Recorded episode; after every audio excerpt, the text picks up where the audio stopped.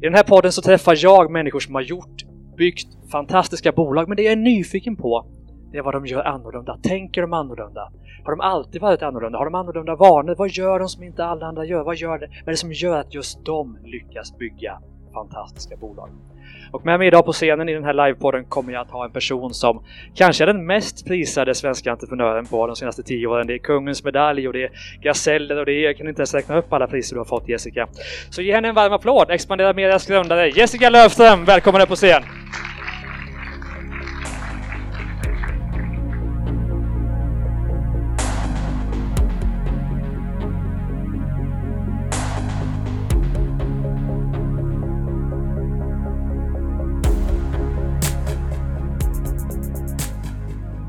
Fortsätter att hålla oss manuellt här, Jessica. Tänker jag. Så, välkommen, vad härligt! Tack så jättemycket för att Ja. jag fick komma. Ja, vad kul! Jätteskojigt. Ja men verkligen. Och du, jag är ju, alla kanske inte känner dig även om du har varit med mycket i, i media innan. Om vi skulle beskriva dig och ditt, ditt bolagsbyggande i, i fyra, fem meningar, vad, vad skulle vi landa i då? Ja, Jag är ju egentligen serieentreprenör. Eh, serieentreprenör som gillar extrema utmaningar och eh, ta sig an dem och sen faktiskt lyckas att förändra. Jag brukar säga förändra världen, det låter väldigt pretentiöst. Men jag förändrar i alla fall min värld. Mm. Det tycker jag alla ska ha som en regel, att försöka förändra världen och göra något bättre. För det är nog svårt att förändra världen om man inte börjar med sin egen värld. Nej. Jag brukar ofta tänka så att okay, hur kan jag förändra min värld så att jag sen kan alltså förändra min omgivningsvärld så gott jag kan. Och sen blir väl nästa steg, hur ska man kunna förändra världen om man inte kan ta hand om sig själv? Det, Mm. det tror jag inte på. Mm. Men det som du är mest känd för det är ju bolaget Expandera Mera som är ett, ett byggbemanningsföretag. Mm. Ska vi bara ta kort Mm. eh, den resan som du gj- gjorde och, eller, gjorde och gör med Mm. Expandera Mera? Eh, Expandera Mera var ju det första bemanningsföretaget i Sverige som gick in i byggsektorn.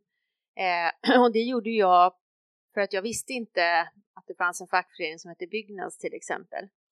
Eh, och eh, jag hade ju också väldigt svårt de första åren att få med mig byggföretagen för de anlitade istället väldigt ofta små halvkriminella bolag som ja, gav dem visk och sådär för att de skulle anlita dem. Så gick de i konkurs med jämna mellanrum. Så det var lite svårt att få med sig byggföretagen.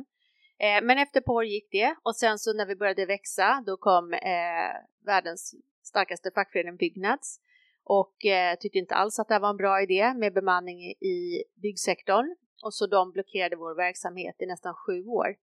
Så det var en tuff period. Av vilken anledning? Jag har faktiskt inte riktigt förstått Nej, det har inte jag heller. Nej, men det är väldigt mycket makt. Eh, alltså Sveriges byggindustrier då som är arbetsgivarorganisationen och, och Byggnads då som är eh, facket inom byggsektorn. De har ju bråkat inför avtalsrörelsen varje år och däremellan också. Men inför varje avtalsrörelse så tar de sats på varsin sida av rummet och så springer de så krockar de och sen faller de tillbaka till exakt samma position. Så att det de reglerna och det som fanns uppbyggt, den politiken, den vill inte någon av dem egentligen tror jag förändra. För att då visste de vad de hade. Men vi kom in från ett helt annat håll och utmanade hela kollektivavtalet och, och maktstrukturen så som den var. Och det gillade de inte och det blev de väldigt rädda för. Och då fick du en, blockad som det heter då i, Mm. i sju år och Mm. det krävs ju ett visst tålamod tänker jag. Mm. Om man säger så här, du tog dig ju ur det, Mm. Expandera Mera blev, hur stort är bolaget idag? Vi omsätter ungefär runt 100 idag. 100 miljoner, är det värt en applåd? En liten? Ja, såklart att det är.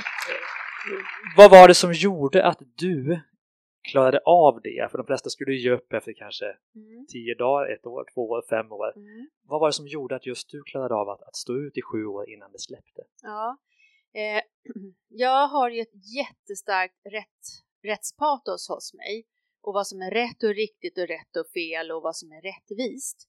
Och eh, jag tänkte ju när jag startade Expandera Mer, jag hade ju lite andra bolag innan och sen blev det liksom Expandera Mera. Vad gjorde du innan? Jag är nyfiken. Eh, och jag har haft flera Alla har ju olika... så sjukt, ofta så här konstiga grejer liksom i bakfickan innan man hittar det man är duktig Ja. på. Har du någon sån där? Ja, Jag, ju, ja, jag har ju haft, jag startade ju ett, eh, det som gjorde att jag kom in på bemanning, vi kan börja där för annars så blir det alldeles för lång, eh, långt att berätta, men eh, jag är vegetarian och tycker att eh, det är synd om djuren, det är därför jag är vegetarian och blev det när jag var ung. Eh, och så tänkte jag att jag skulle få svenska folket att äta viltkött för att de djuren har det bra i skogen och sen så blir de skjutna.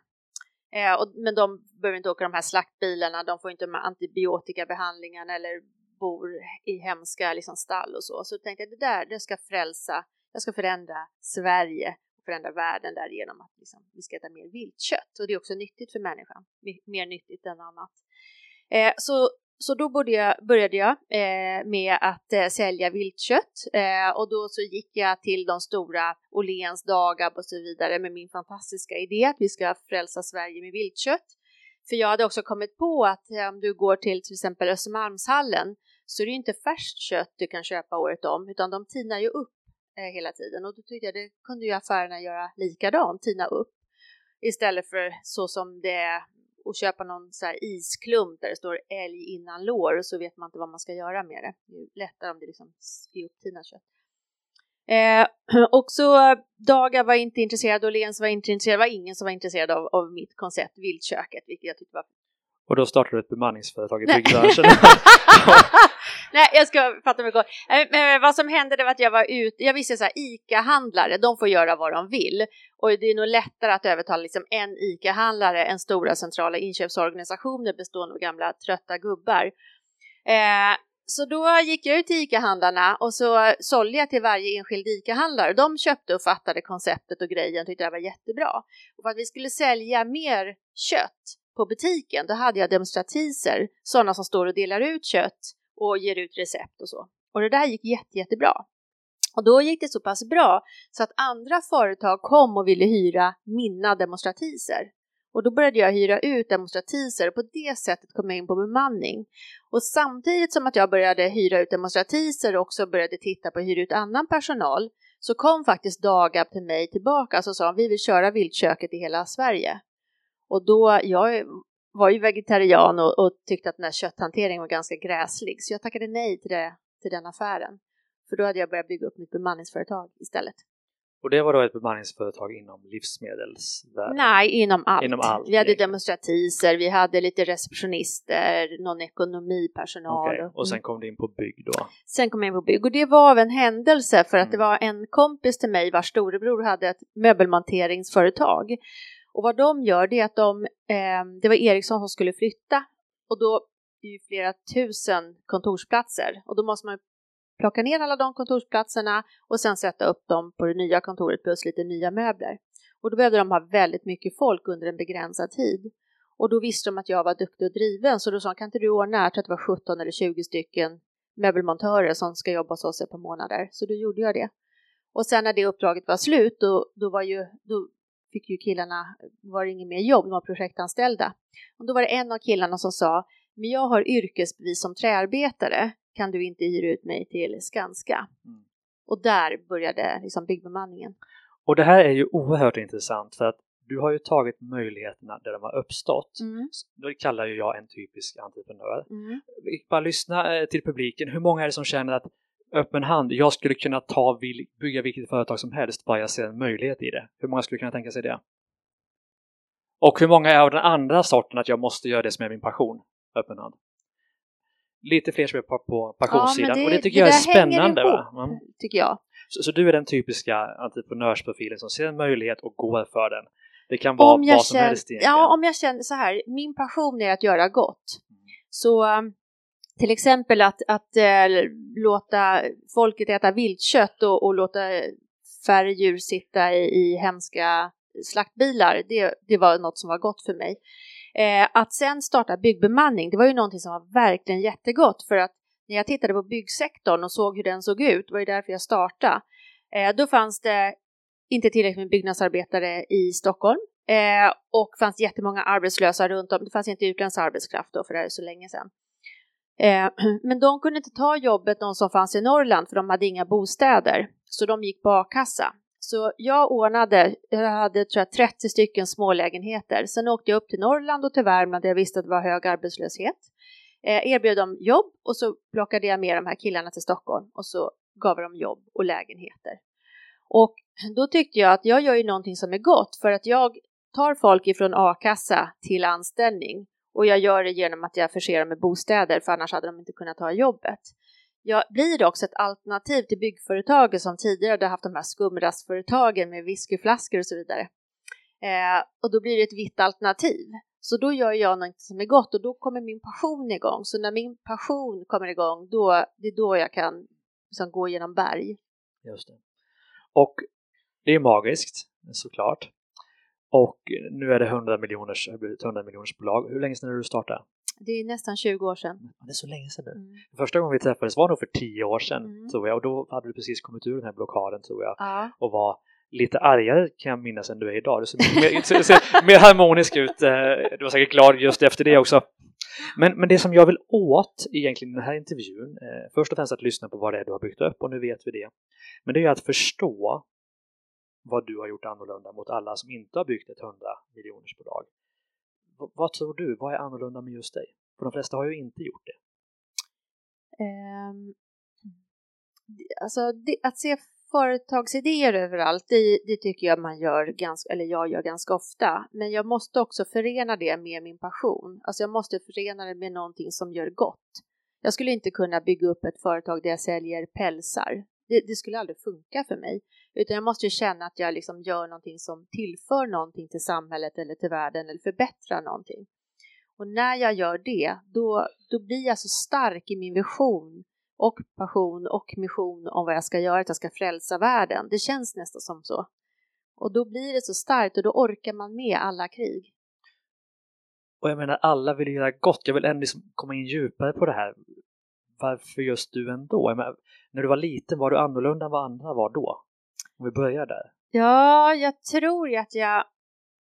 Man är i olika faser när man är liten, men jag har alltid varit lite sådär... Um, Eh, det var jag som, om folk bråkade och jag inte tyckte att de skulle bråka, då var det jag som gick fram och sa sluta bråka eller det var jag som...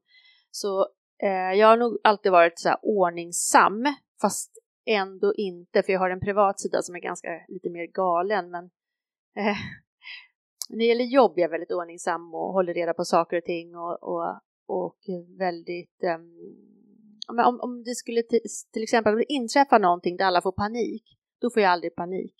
Då blir jag, vad som än inträffar, så blir jag väldigt lugn, strukturerad och så ser jag exakt vad som ska göras och så kan jag styra upp alla. Nu gör du det, nu gör du det, nu gör du det. Och det tror jag liksom finns i mig. Intuitivt. Det, och då behöver vi komma in på något som är intressant, för passion, liksom, jag köper inte att det är enbart det som framgång bygger på, för alla har ju passion, eller de flesta har ju passion för någonting. Men, men vi snackade lite om det innan och det var strukturer, att du gärna vill ha en superstruktur på allting, och, och speciellt mm. då i bolaget. Mm. Vad innebär det? Innebär det att du gör samma sak varje dag, exakta tider, att mejlkorgen alltid ska vara tom, att du, eh, folk ska följa en viss mall? Eller vad innebär struktur för dig? Mm. Struktur för mig innebär, och det är också någonting som jag tror jag har intuitivt, om jag till exempel går in på ett café eh, och sen så tycker jag att jag ser direkt hur de skulle börja, behöva strukturera upp arbetet om jag inte tycker att det är så effektivt som det skulle kunna bli. Så jag ser alltid hur man ska göra saker effektivt, mer effektivt hela tiden och det, det liksom är i mig och jag bara har det. Så allt jag ser ser jag så alltså, här, okej, okay, så där skulle jag gjort annorlunda, det skulle jag strukturerat upp på det sättet. Och så gör jag all, i allt jag ser. Om, eh, om någon kommer, någon av mina medarbetare kommer och säger, ah, men nu har vi gjort det här liksom, dokumentet. Eh, då ehm, ser jag direkt hur, hur det måste förändras så att det ska bli mer lättläst, tydligare för alla andra eh, och att det blir mer strukturerat och kanske också att de ska ändra vissa processer så att det blir liksom ännu mer effektivt. Var du likadan när du startade bolaget första gången? Men jag har alltid varit så. Du har alltid varit där, så ja. det har varit liksom en framgångsfaktor. Ja. Då behöver vi komma någon vart tycker jag. Liksom. Mm. Vad är de här små business hacksen som vi mm. kallar det som verkligen har, har gjort skillnad? Men vad, om vi tar nu Men då? Jag ska säga så här också, en sån här grej som jag har det är att jag kan aldrig gå och lägga mig om jag inte har rensat inkorgen, rensat sms-korgen, rensat messenger-korgen. Så jag har såna här röda prickar prickar på telefonen. Det går inte. Det går inte. Utan jag måste alltid rensa allt hela tiden. Va, vad tyder det på? Vad är det hos dig som, som ger dig den känslan? Jag vet inte. Jag, jag känner inte så. Nej, jag, jag, jag får ju får ju nightmares när jag ser mina vänners telefoner och det ah, står så här tusen ja. i, i, i en röd ring. Hur många är det som har det så? Mina vänner upp med en hand? Ja, det var några stycken. Aha. Ja, men precis. Men, men vad är det du vet nu då, när du har byggt ett 100 miljoners bolag som du inte visste när du startade? Som du önskar att du hade vetat då? Um, men kanske så här då, du sa att jag såg lugnare ut nu ändå, att allting tar längre tid än vad man tror. Eh, och man sju måste... år längre tid. Eller? Vad sa du? Nej, sju år var ju ja, det var sju ganska år längre lång tid för byggnad som ja, du hade tänkt. Mm. Ja. Så, och man måste liksom, men, men däremot om, om man gör någonting då, jag visste ju att jag gjorde någonting som var bra. Jag visste ju att det här behövdes. Jag visste liksom att jag skapar en bättre värld genom att bygga expandera mera. Då blir man väldigt uthållig och det, det, man behöver också vara uthållig. Och eh, idag skulle jag kanske inte gå på, jag var ju väldigt tuff mot eh, byggnadsombudsmän, vilket gjorde att jag fick väldigt många ovänner. Det är i och för sig inget farligt att ha ovänner och vara hatad, för det brukar jag säga till alla tjejer, att det spelar ingen roll, var lite bitchy, för det kommer driva dig framåt.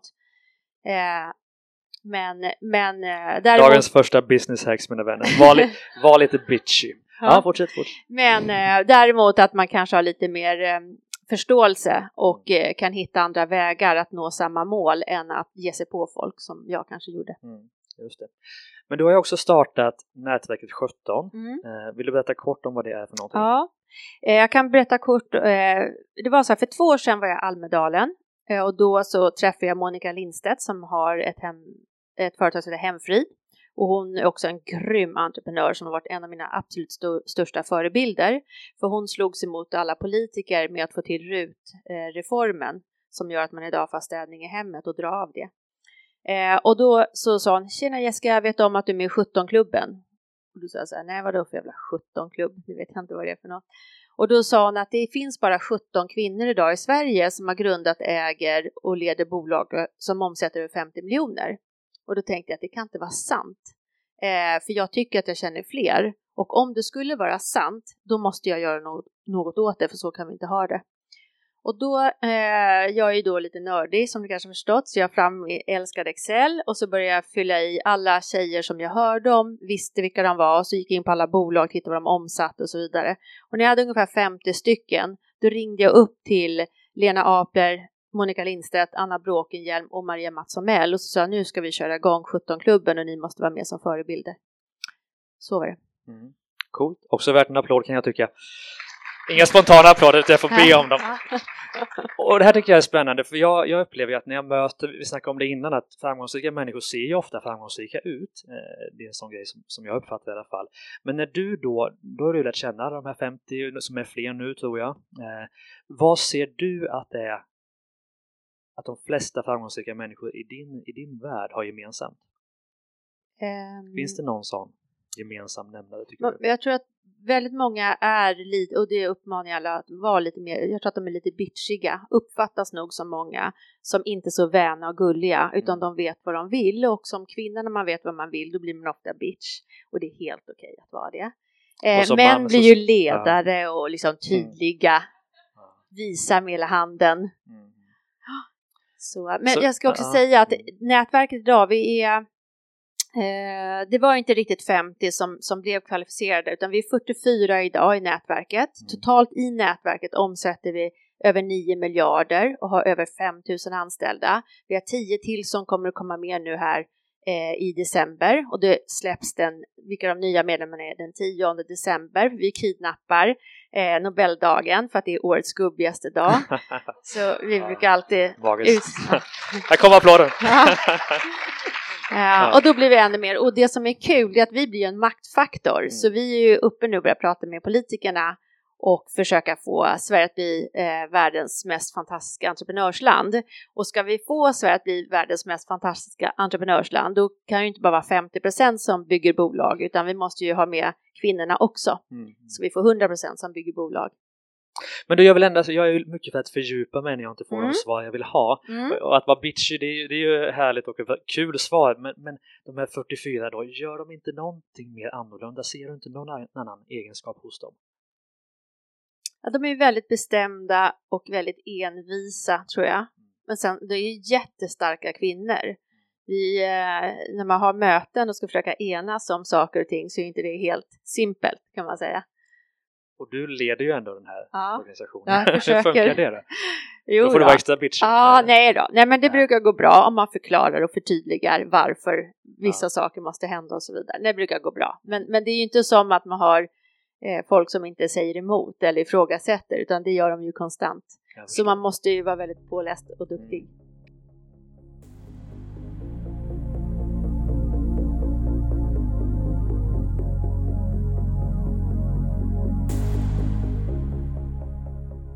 Hello! Vi gör en paus mitt i podden och vi har ett inlägg här från vår sponsor Företagarna som vill ge tips till dig som vill läsa om fler fantastiska företagare. Eller få lite energi eller hitta nya samarbeten eller vad just du behöver just nu. Och det är att Företagarna ger ut en lista varje år som heter 103 unga talanger och där har man samlat de just nu mest spännande företagarna under 30 år i hela Sverige. Och listan hittar du på www.103ungaidéer.se 103ungaidéer.se Den här listan måste du bara spana in för att se vad de hetaste, coolaste unga entreprenörerna gör och tänker just nu. Och är du inte medlem i Företagarna så blir du det förstås på företagarna.se precis som jag. Tack!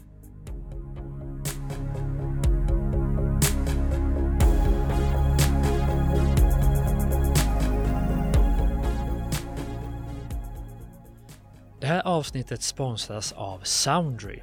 För du kanske också driver en butik, restaurang, café eller någon annan typ av företag och är trött på att betala avgifter till Stim och Sami. Soundry är den nya musiktjänsten för företag. Alla artister i Soundrys bibliotek står utanför alla upphovsrättsorganisationer, vilket innebär att du inte behöver betala någon avgift till varken Stim eller Sami. Soundrys musikexperter har i över 10 års tid jobbat med professionella artister och producenter. Och spellistorna är speciellt sammansatta för att passa olika typer av branscher och företag. Och de uppdateras förstås regelbundet. Soundry kostar bara 169 spänn per månad, så du sparar både tid och pengar kan man väl säga. Soundry, vi är glada för att ni har plockat fram ett prova på-erbjudande enbart för er som lyssnar på den här podden.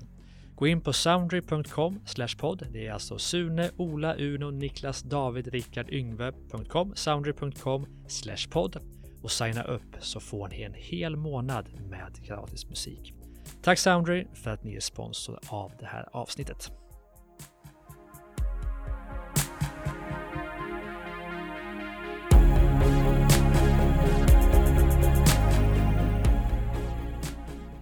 Vill du ta ditt bolag till nästa nivå? Då måste du hänga på oss på evenemanget Business Hacks som kommer gå av stapeln i Stockholm den 25 november och i Malmö den 12 december. Vi tror ju på att man blir som man umgås och därför har vi bjudit in några av Sveriges absolut bästa föreläsare och några av de coolaste entreprenörerna just nu som jag kommer att podda med både i Ordinary People Who Do Badass Things och Business Hacks på scenen, det vill säga livepodd. Så vill du hänga med dels några av de bästa föreläsarna och coolaste entreprenörerna i landet, men också ihop med ungefär 200-300 svinladdade företagare som verkligen ska ta sina bolag till nästa nivå så rekommenderar jag varmt att gå in på businesshacks.se och boka din biljett snart, för det kommer nog ta slut väldigt fort, tippar jag. Så vi ses i Stockholm eller Malmö inom kort. Det kommer bli magiskt.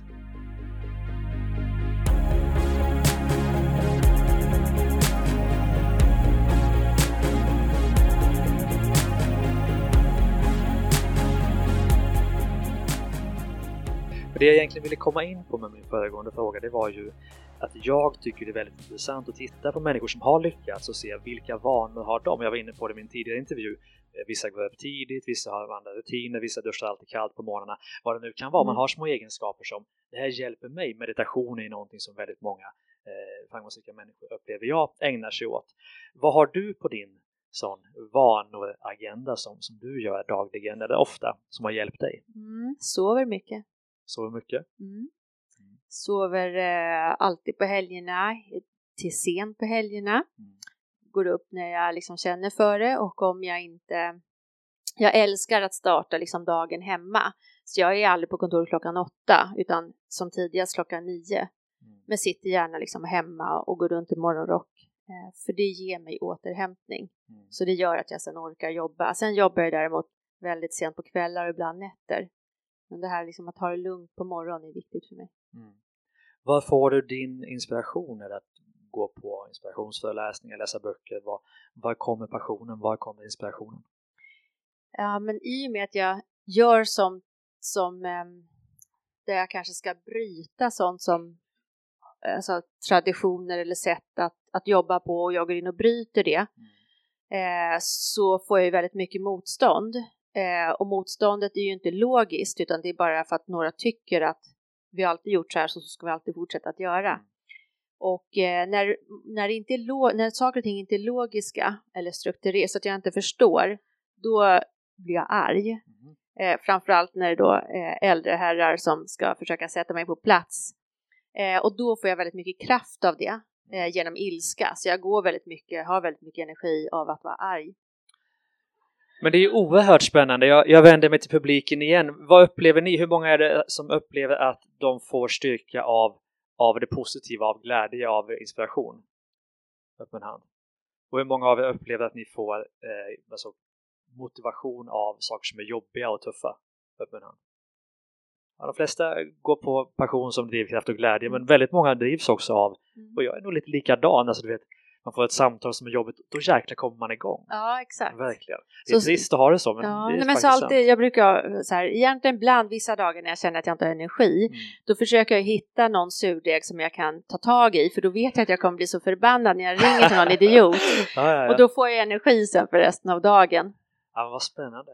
Men du, vad, vad tror du på som andra tycker är galet? Eh det vet jag inte vad jag tycker som andra tycker är galet. ibland känner man det här är jag så övertygad om, men ingen annan verkar fatta det. Aha. Har du ingen sån grej? Ja, eh, jag vet inte. Jag är övertygad om... Nej, jag har nog ingen riktigt, riktigt sån. Nej, jag tror inte det. Nej. Men du, låt oss bli eh, något mm. filosofiska för en stund, för jag upplever att många som har lyckats också tar sig tid då att, att fundera mer över livsfrågor av olika slag och eh, allt från miljön till, till andra utmaningar som vi står inför. Var, var finns din drivkraft? Vilken livsfråga tänker du mest på idag? Mm. Det som hela tiden 24 timmar om dygnet gör mig väldigt arg just nu, mm. där jag får min ilska. Det är ilska alltså. ja, ah. Det är ju hur det ser ut eh, just nu i byggsektorn, att mm. den är så kriminell som den är. Okay. Och att våra eh, skatter, så det är ju skattefinansierade projekt där det är maffia från Ryssland som är arbetar med förslavade byggnadsarbetare som har i snitt 30 kronor i timmen. Det, that drives me fucking crazy. Jag blir så mm. förbannad på att det är så. Vågar du göra någonting åt det? Oj ja. För jag skulle tveka. Alltså, ryska maffian, jag, jag, skulle tveka nej, någon minut ja, eller två. Nej, tvärtom. Ja. Och, och, jag upplever att de vill inte heller ha med mig att göra, nej. för de vill inte dra till sig någon, någon liksom energi eller uppmärksamhet. Så ju mer jag håller på, eh, och jag håller på ganska mycket på sociala medier och hänger ut företag och så vidare, desto längre ifrån mig. Jag har aldrig hört ifrån dem överhuvudtaget. Däremot kan jag höra ifrån då platschefer eller för eh, personer på byggföretag som anlitar de här mafioserna. Och det är ju för att det är så enormt mycket pengar i systemet. Mm. För att snittlönen då för en som jobbar svart här i Sverige, de ligger ungefär på 30 kronor i timmen. Och en svensk eller en vit byggnadsarbetare ungefär 220 plus sociala avgifter och skatter och, och resor och så. Så att skillnaden, glappet mellan vitt och svart har aldrig varit så stort som det är idag. Mm. Så någonstans tar alla de här pengarna vägen. Och det är klart att de som tillgodogör sig av de här pengarna som snurrar i systemet, de är inte så himla nöjda på att jag håller på att förstör för deras system så de tycker är alldeles förträffligt, finurligt, mm. jättebra. Så det är ofta de som går på mig, men de där mafioserna, de, har, de, de vill inte vara i kontakt med mig. Det är inte värt det? Det är inte värt det, nej. nej. De kör så länge det fungerar. Ja. Spännande, jag blir nästan lite mållös Känner jag. Men jag tänker på, för att det här blir också en viktig livsfråga för dig och eh, personligen så tänker jag också väldigt mycket på framtiden. Vad står vi inför nu med? Dels finns det klimathot och liknande men också AI och det kommer så oerhört mycket teknikgenombrott som, som diskuteras mycket i media. Vilken framtids, framtid ser du framför dig om 5-10 år? Hur kommer världen att se ut? Mm. Jag tror eh, och hoppas att fler kvinnor är i makten, både i politiken och i, i bolagen. Och jag tycker mig se det, jag sitter som eh, domare eller som jury i UF-företagen, Ung Företagsamhet. Och där när man tittar på de som är 90-talister och 2000-talister, där är det tjejerna som är VD och så vidare. Nu kanske det är tråkigt att höra för killarna, för jag pratar hela tiden om tjejer. Men jag tror att det är väldigt viktigt att de kommer in i makten, för jag tror inte att vi skulle ha finanskris om det hade varit eh, 50% tjejer som hade suttit på de bolagen som gav ut dåliga lån. Mm. Jag tror inte vi skulle ha den osunda byggsektorn om det var 50% av tjejer som hade suttit i, i makten. Jag tror inte vi skulle ha krig överhuvudtaget om vi hade haft 50% av kvinnorna som satt i makten. Så jag tror att det är väldigt viktigt att vi får upp fler kvinnor i maktpositioner för att vi ska förändra och förbättra världen. Mm. Halva salen är glad. Nej. Men du, eh, jag bara fick en, en idé som jag aldrig har gjort i den här podden innan, men jag fick, tänkte det kunde vara kul. Men mm. du är ändå på och jag vet inte vad som skulle kunna få dig att gå igång. Jag vill inte göra dig arg i och för sig, men, men om vi, vi tittar framåt, vi tittar på framtiden och mm. vi säger att du och jag får en påse pengar nu här idag. 100 mm. miljoner får vi. Ja. Och vi får dem för att bygga det coolaste, mest potentiellt framgångsrika bolag vi skulle kunna bygga utifrån det vi vet idag om framtiden. Mm. Vad skulle vi bygga då, du och jag? Eh, jag tittar nu på och eh, det som ligger väldigt nära just nu det är ett säkerhetsbolag. Varför då? För att eh, det behövs mer säkerhet, det behövs mer kontroller. Det jag ser, jag utgår ju bara från liksom mm. min värld och eh, när jag ser hur, ehm, hur mycket mer underrättelse det behövs ju mer, ju större världen blir. Eh, för att när vi får utländsk arbetskraft som, eller när arbetskraften rör sig över hela världen mm. så kommer de här stora eh, maffiaorganisationerna eh, börja ha arbetskraft i hela världen.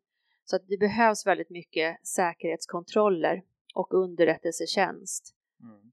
Och för att vi ska behålla ordning och reda i våra system eh, politiskt och i samhället och så vidare, då behöver vi börja kontrollera på ett annat sätt än vad vi har gjort tidigare. Så, vi har haft liksom, Sverige varit som en det har varit stängt innan mm. och då har man bara haft, han, kunnat hantera problemen inom Sverige.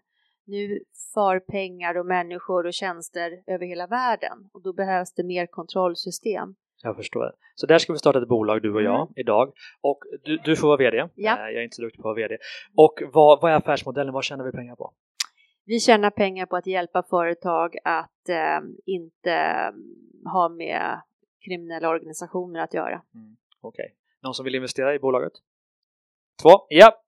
Vi har ju 100 miljoner som jag fått ändå. Men du, vi har ju ungefär 10 minuter på oss nu eh, och jag vill gå in på lite så små korta frågor som jag tycker är intressanta. Eh, mm. har du svar så har du det, har du inte så har du inte mm. det.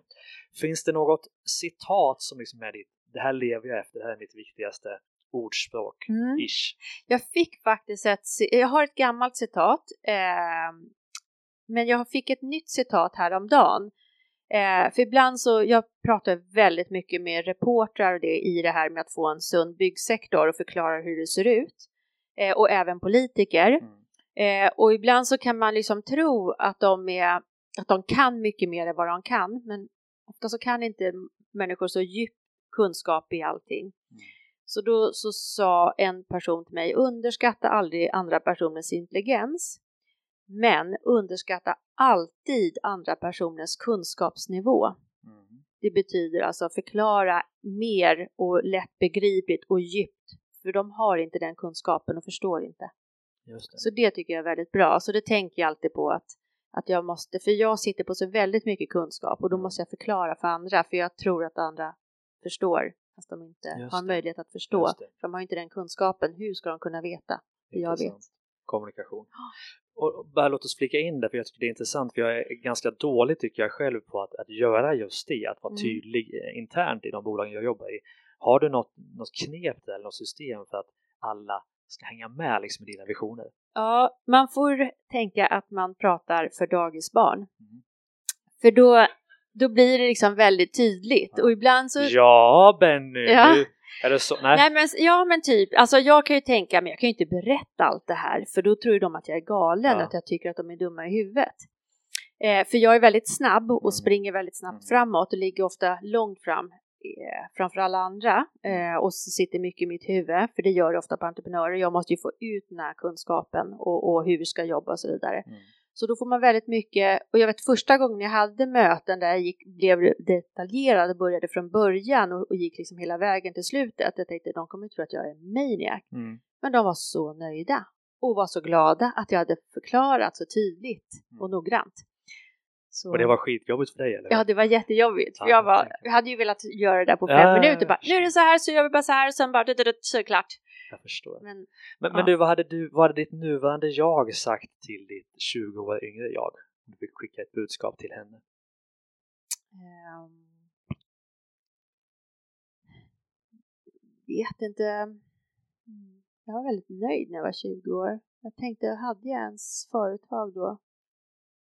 Ja, jag var, då levde jag bara loppan, var ute och jag fortsätt gör så ett par år till. Lev loppan så att du samlar energi och sen så starta bolag. Jag förstår. Men om vi vänder på det lite då. Vad skulle ditt 10 år äldre jag säga till ditt nuvarande jag? Mm. Det vet jag inte. Jag, jag tycker ju alltid att jag springer för långsamt, att jag borde jobba snabbare och mer. Eh, så Det verkar så. Om tio år kanske jag eh, har lugnat ner mig lite i det och kanske säger lugna ner dig och ta vara på, på tiden. Men jag, jag tycker att jag tar tillvara på tiden väldigt mycket. När jag är med mina barn till exempel, då stänger jag alltid av mobiler och så och det är jag liksom 100% med dem Mm. i nuet. Och, och jag går ju hemma och såsar i, i morgonrock fram till klockan nio på morgnarna. Så, att, Mm. äh, så jag tycker nog att jag tar tillvara. Jag vet faktiskt inte. Men ett annat ordspråk som jag har haft Mm. med mig innan det här nya kom som jag tycker är jätteviktigt. Och det är så här, om du alltid har gjort så som du alltid, eller om du gör så som du alltid har gjort, Mm. då får du det du alltid har fått. Om du vill ha något annat, då måste du göra något annorlunda. Mm. Och det, de flesta fortsätter just tänker om Gud att varför eh, får jag inte mer lön eller varför växer inte mitt bolag eller Mm. den här chefen är så dum. Ja men gör något annorlunda då, säg upp dig eller börja sälja mer eller gör något annat. Du Mm. måste göra något annorlunda för att få ett nytt resultat. Och jag tänker att man kan ta det ett steg till. Att gör du som du alltid har gjort så kommer du inte ens få det du har fått innan. För världen går ju ganska snabbt Mm. just nu. Så jag tror inte ens du kommer få, Nej. få samma sak. Så du måste, måste, måste göra någonting annorlunda. Ja. Och det är därför den här dagen finns också naturligtvis. Vad, om jag säger framgång, vad, vad tänker du då? Vad är det? Eh, ja, nu ser jag bara Greta Thunberg för jag tycker hon är magisk. Mm. Eh, att hon är helt fantastisk. Tänk att vara 16 år och åka runt i hela världen och få Är hon ta... arg? Ja. Lite bitchy? ja. Ja. Och hon Intressant. vågar eh, säga vad hon tycker och tänker. Mm. Så det är framgång? Mm. Och, och var dig. inte så jäkla vän liksom, och tillrättalagd hela tiden utan var lite obekväm då. Du förändrar ju världen på det sättet. Du kommer Mm. inte förändra världen genom att sitta och vara gullig. Och så få som vågar det. Ja. Önskar fler kunde, både tjejer och killar, kunde vara lite mer. Verkligen. Mm. Du, vilken är den bästa investering som du har gjort? Det är nog i mitt företag Expandera Mera. Det har varit den bästa investeringen. Och du har tjänat pengar på det också, inte bara byggt upp en omsättning utan du har tjänat Jag har tjänat pengar, ja. Ja, härligt. Men vad, vad skulle du önska då? Eh, För jag menar nu är du, eh, nu ska jag inte säga någonting om det för det kommer man in på en kvinnas ålder och så vidare. Men vad skulle du önska att det stod på din gravsten? Om vi tar det den vägen. Oj, ja, jag önskar att jag lyckas liksom förändra världen ännu mer. Så min stora mission det är ju liksom få en bättre värld.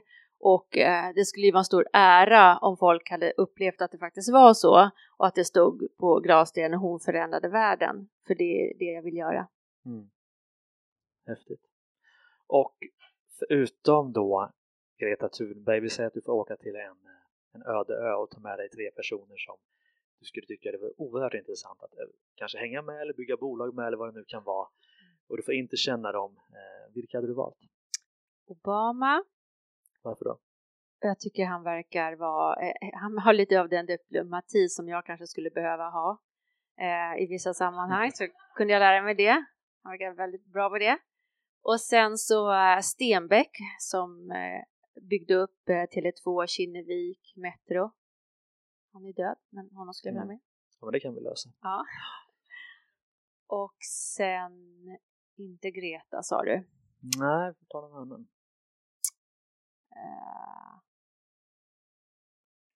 Det var ju lite svårare.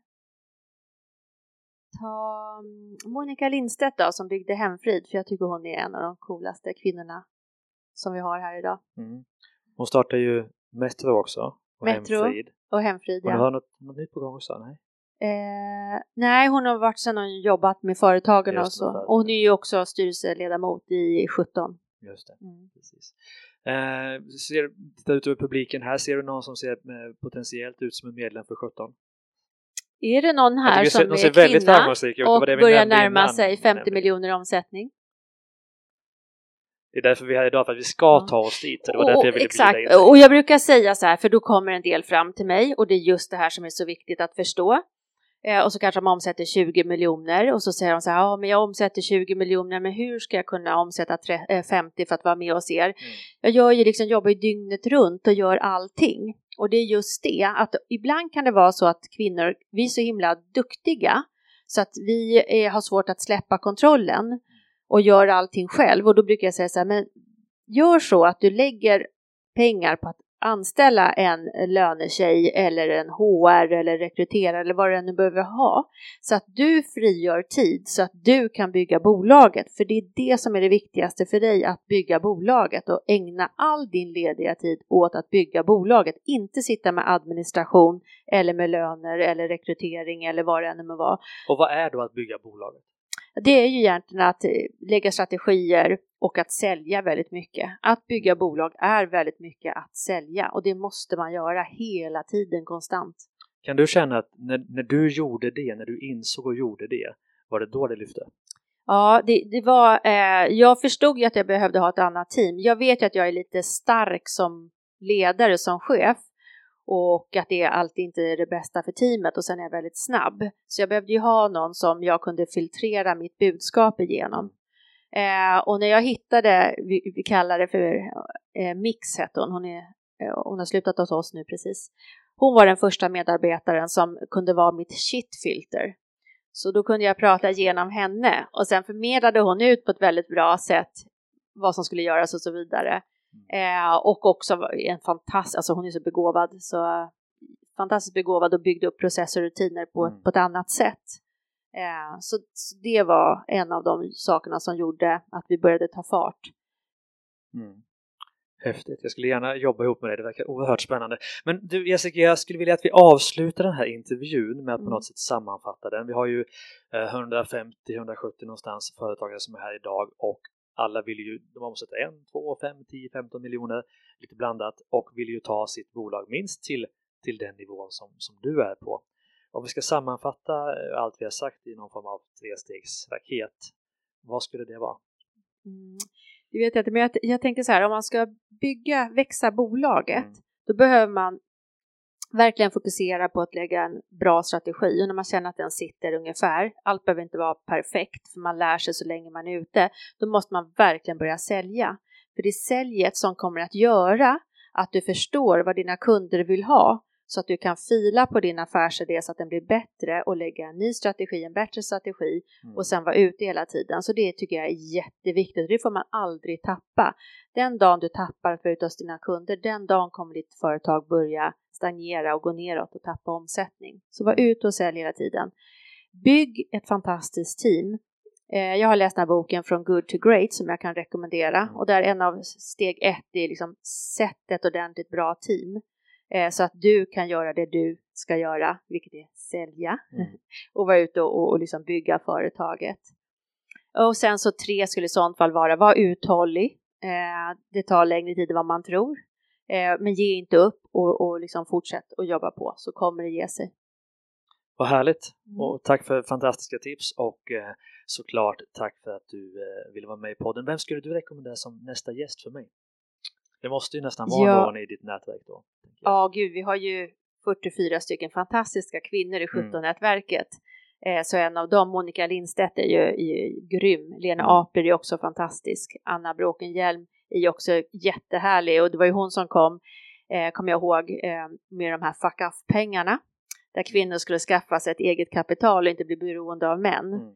Och det kallar hon för fuck off-kapital. Jag tyckte det var väldigt befriande när det kom. Vad härligt mina vänner, jag vill passa på att eh, tacka Jessica Löfström för en magisk intervju. Hon förändrar världen redan och jag tror hon kommer att förändra världen ännu mer. Så ge henne en varm applåd. Stort tack Jessica!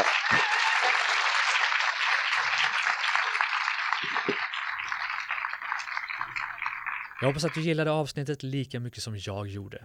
Du följer våra tre poddar, Starta eget-podden, Business Hacks och Ordinary People Who Do Badass Things, där du följer andra poddar, till exempel på iTunes, Podcaster eller drivaeget.se. Och ingen avslutning utan underbar musik från Soundray.